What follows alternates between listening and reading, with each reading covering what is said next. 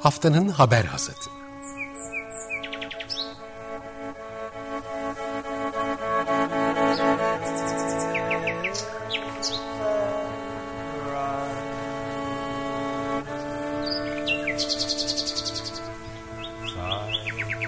Haftanın öne çıkan iklim haberleri ve araştırmalarından okumalar ve yorumlar.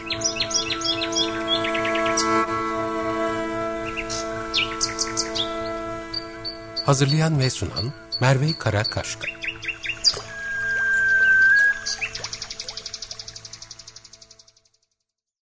Günaydın. Açık Radyo'da haftanın haber hasatına hoş geldiniz.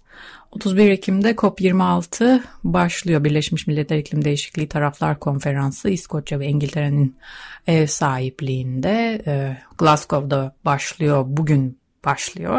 Açık Radyo'da bu konferans süresince özel bir yayınımız olacak zaten. Ben de ona katkıda bulunuyor olacağım. E, Hasat'ta da bu hafta haliyle COP26 ile açıyoruz.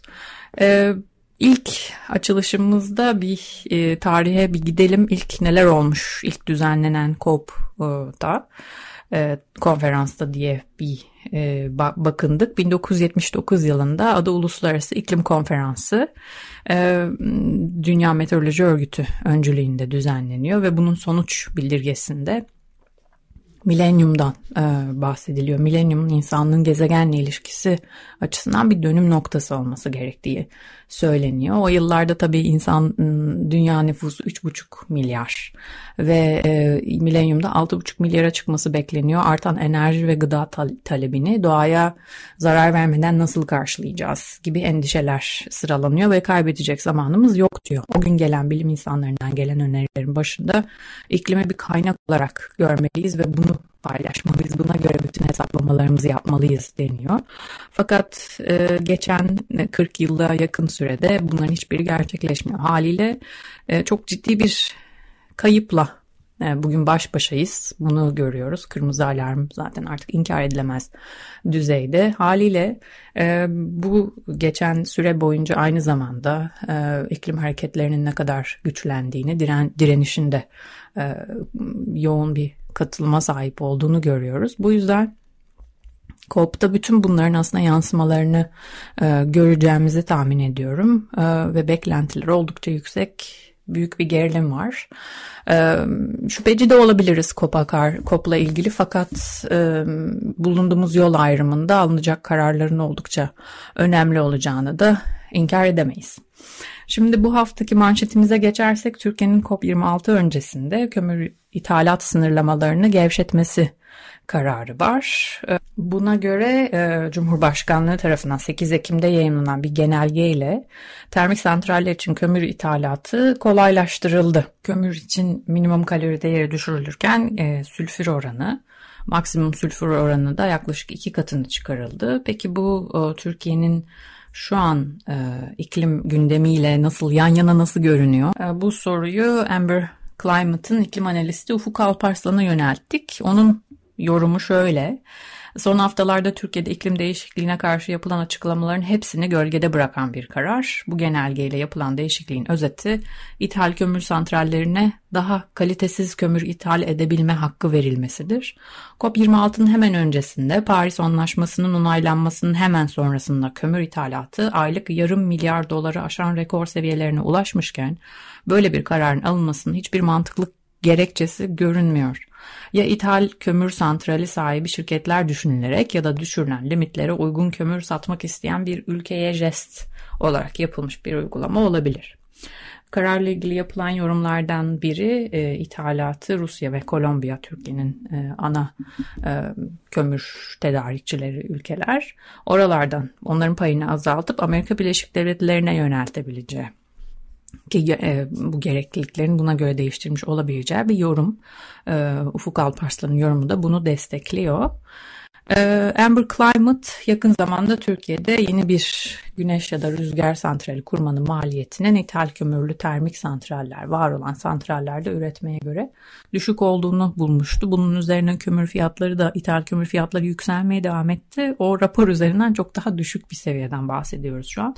Hali hazırda bakanlık da yakın zamanda BBC Türkçe'ye verdiği röportajda artık yeni e, kömür yatırımı yapmanın ithal kömür termikli santral, termik santraller için yapmanın mantıklı olmadığını zaten yatırımcı da bulamayacaklarını ifade ediyordu.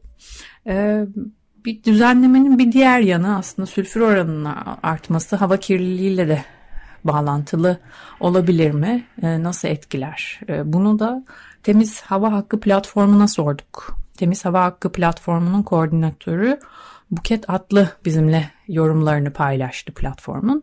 Şimdi onları dinleyeceğiz ardından hasata devam edeceğiz. 2019 yılında temiz hava solumak istiyoruz diyen e, yüz binlerce kişinin başlattığı imza kampanyaları ile e, çevre yatırımlarını tamamlamamış olan kömürlü termik santrallere 2 yıl daha muafiyet verilmemişti. E, ve e, 6 tane kömürlü termik santralde e, 2020'nin ilk 6 ayında kapalı kalmıştı. Fakat daha sonra geçici izinlerle ve çevre izinleriyle hem e, baca gazı arıtma tesisleri hem de atık depolama sahaları aslında e, çevre yatırımlarına uygun olmamasına rağmen bu santraller çalışmaya başladılar. E, şu anda da bakanlığın izlediğini söylediği santrallerden örneğin Kahramanmaraş'ta çarşamba günü bacadan simsiyah dumanların çıktığı ile ilgili görüntüler vatandaşlar tarafından iletildi artık e, kömürlü termik santrallerin hem çalışmakta olanların hem de yenilerinin teşvik edilmesi yerine e, Paris Anlaşması'nda imzaladığımıza göre e, bu santrallerin bir an önce adil bir şekilde kapatılması için gerekli yatırımların yapılması lazım. E, bu yönde adım atılmasını bekliyoruz. Bunun ilk adımı olarak da e, çevre yatırımını tamamlamış olan kömürlü termik santrallerin çalışmasına izin verilmemesini bekliyoruz. Açık Radyo'da Temiz Hava Hakkı Platformu Koordinatörü Buket Atlı bizimle birlikteydi. Türkiye'nin e, COP26 öncesinde verdiği kömür ithalatını kolaylaştırma kararını yorumladı. Haftanın haber asatında şimdi e, gündemde olan COP26 ile ilgili ülkelerin nasıl katıldığına dair e, bir seçkimiz var. Hani COP öncesinde rehberler oluyor ya COP26 öncesinde hangi ülkeler katılıyor. Biz biraz onu boyutlandırıp hangi ülkeler hangi çelişkilerle katılıyor diye Türkiye'nin ardından biraz daha e, aşinalık kazanmak için veya COP'a nasıl girdiğimizi COP26'ya nasıl girdiğimizi biraz daha açmak için böyle bir e, rehber hazırladık aslında. Tabii bütün ülkeleri burada ele almak mümkün değil. Sadece e, belli başlı işte küresel kuzey ve güneyi e, belki biraz daha konumlandırdığımız bir e, rehber oldu. Bu rehbere açılışta İngiltere ile başlıyoruz.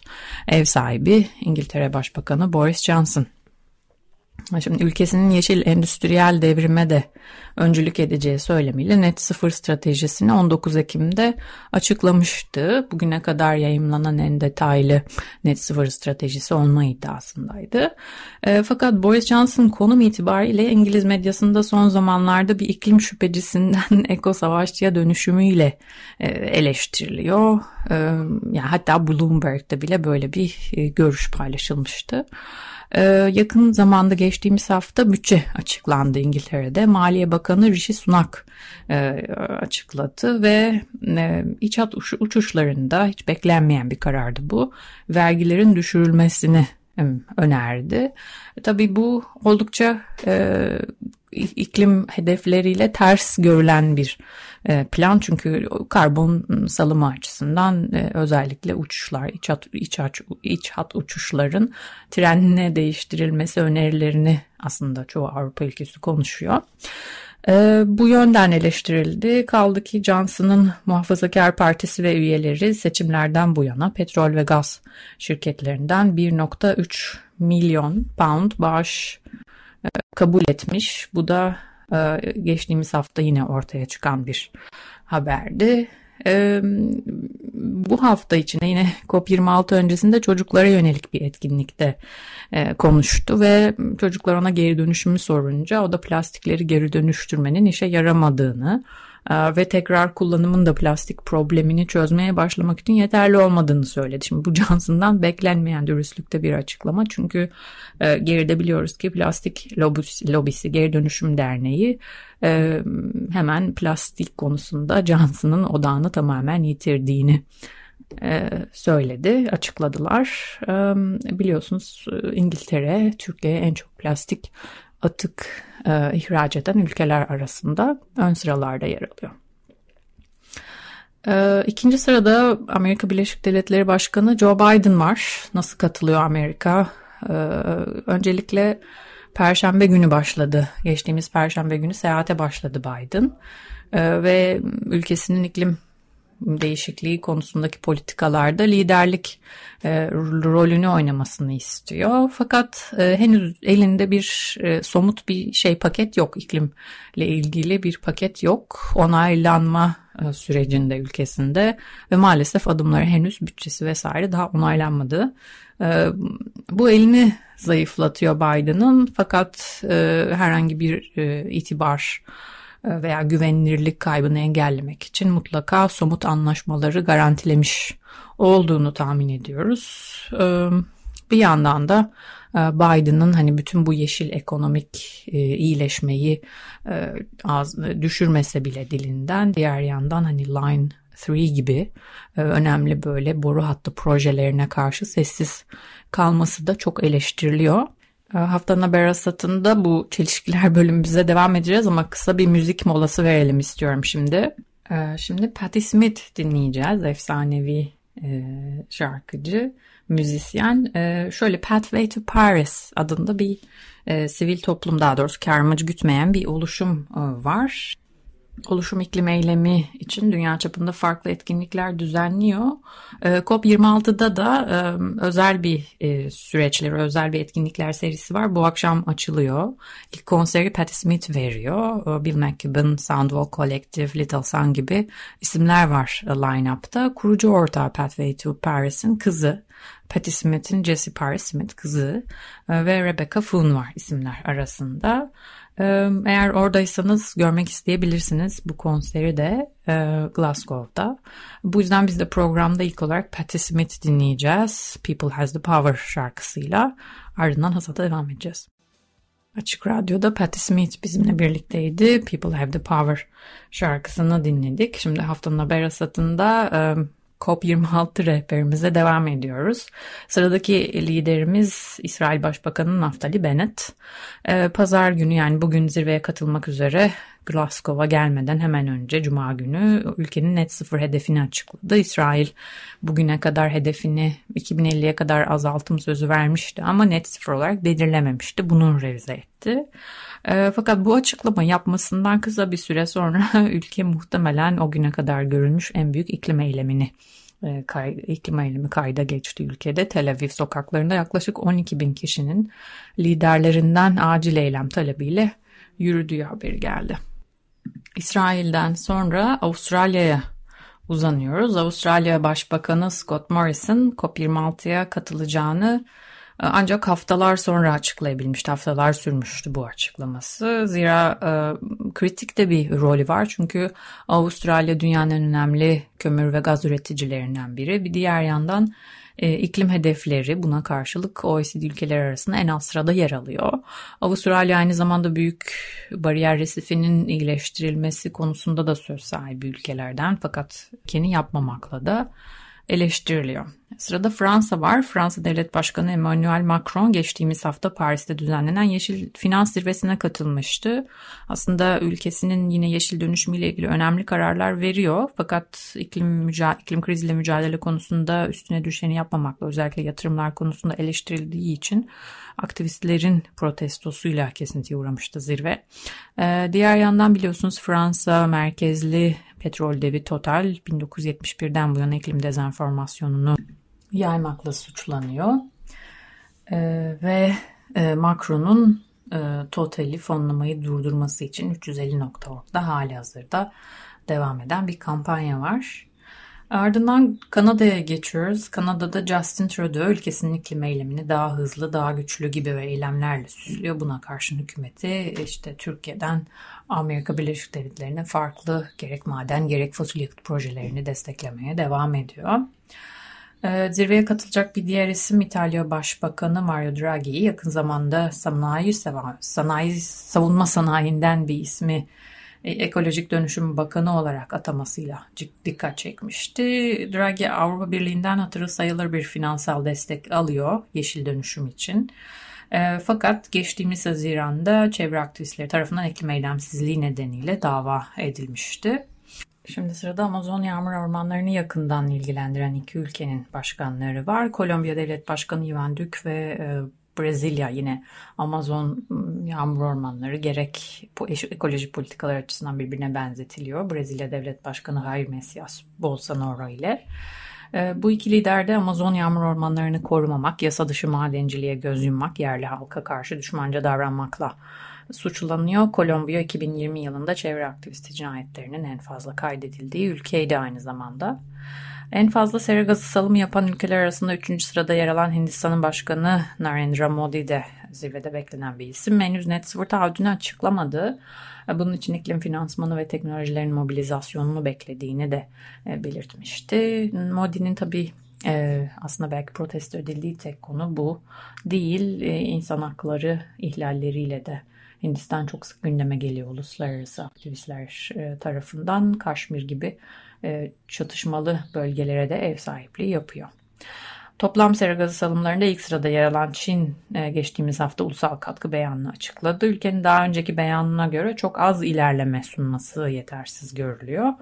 Çin Devlet Başkanı Xi Jinping konferansta video bağlantısıyla katılacağını açıklamıştı. E, son çelişki haberimizde yeni yapılan bir Ferret the Fair tarafından, tarafından yapılan bir çalışma var. COP26'ya sponsor olarak seçilen 11 şirketin 2020'de sera gazı salımlarının toplam 350 milyon ton olduğunu bulmuş.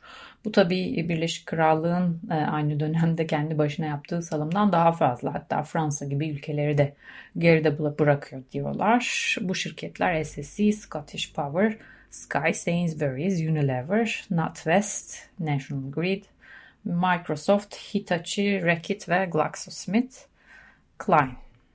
Şimdi hasatın diğer haberlerine geçmeden önce e, bir müzik molası e, verelim istiyorum. Yine COP26'da bu sefer dünyanın her tarafından müzisyenleri çağrılan bir oluşum Let It Grove, İskoçya merkezli e, ve tabii eylemi bir an önce acil eylemi teşvik etmek için müziği bir kullanıyorlar. Enough is Enough isimli bir parçayla yapmışlardı açılışı. Şimdi ona gelen yanıtlardan biri Brüksel'den.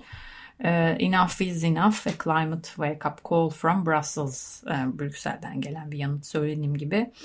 Uh, farklı müzisyenlerin uh, burada yanıtları var. Burada Luke Michel ve Zoe Sanders bu kompozisyonu yapmış.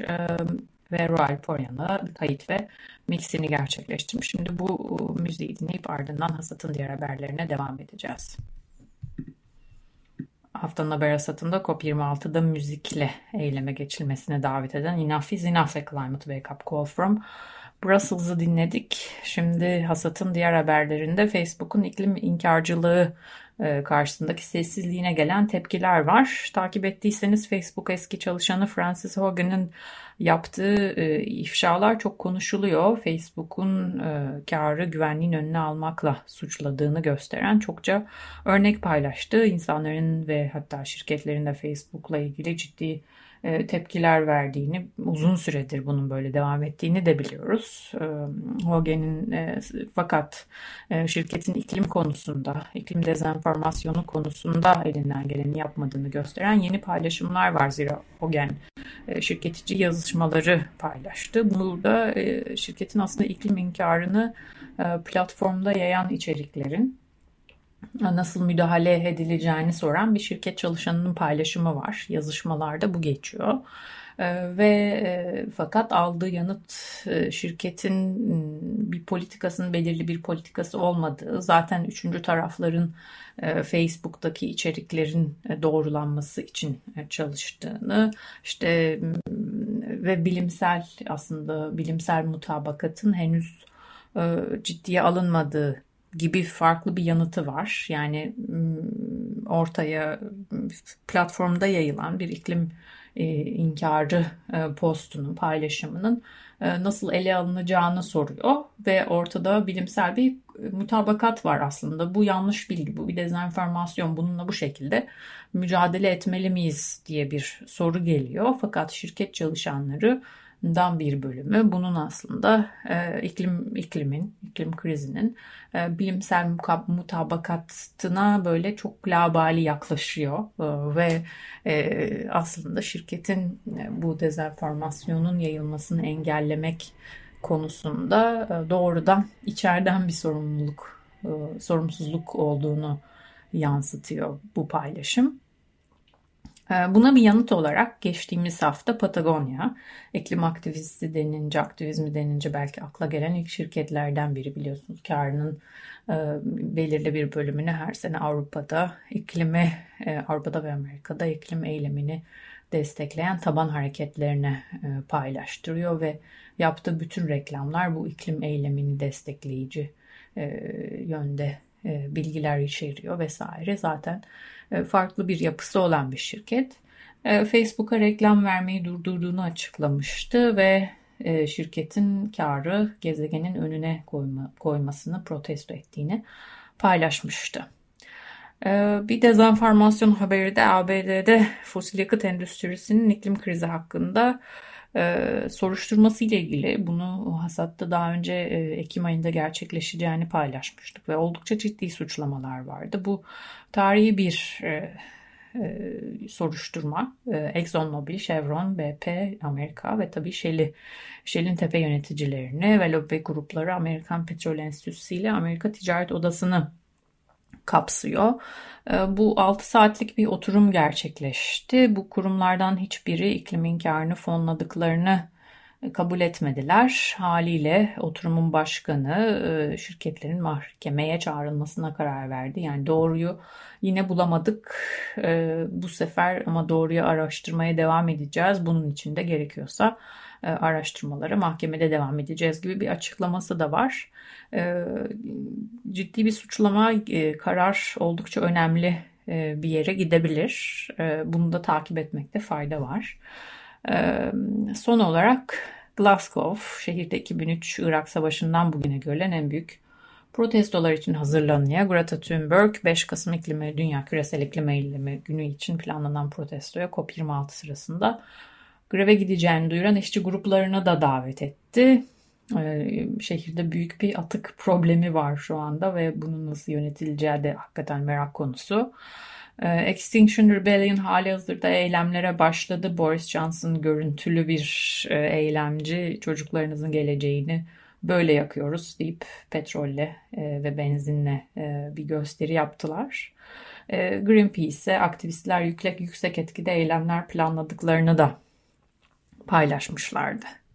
Şimdi Hasat'ın artık haber bölümümüzün sonuna geldik. Söz bitmeden bölümünde bir sergi haberimiz var. Onu paylaşalım. Ee, COP26 süresince 21 Aralık tarihine kadar da görülebiliyor. Enstitü Fransa, Türkiye'nin İstanbul Şubesi bahçesinde Fransız sanatçı Jeff Leal'ın bitkisel düşlem sergisini açmıştı 21 Ekim'de. Ee, bitkisel düşlem doğadan yeniden beslenmeye ve doğanın canlı varlıkları bitkilere karşı duyarlı olma ihtiyacından kaynaklanan sanatsal bir çalışma bitkileri yeniden nörolamanın, renklerini değiştirmenin basit gerçeği bizleri, onları yeniden keşfetmeye, tüm güzellikleri ve karmaşıklıkları içinde yeniden değer vermeye davet ediyor. İlk bitkilerin varlığıyla bizim aramızda 1 milyar yıldan daha fazla bir süreç var. Bitkiler sudan ilk çıkan canlılar. Bizler onlar ve dünyaya saldıkları oksijen sayesinde nefes alabiliyoruz. Bitkiler olmadan hayatta kalmamız imkansız diyor Jeff Leal'ın fotoğrafları sürreal bir dünyaya davet ediyor izleyicileri. Ee, Bu hafta bu kadar. Önümüzdeki hafta farklı konularla COP26 e, temalı e, haberlerle e, ve röportajlarla görüşmek üzere. E, Hoşçakalın.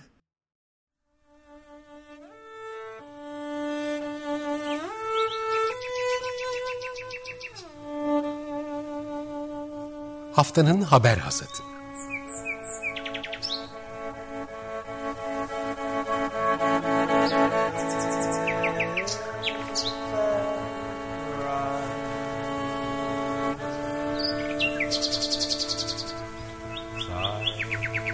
Haftanın öne çıkan iklim haberleri ve araştırmalarından okumalar ve yorumlar.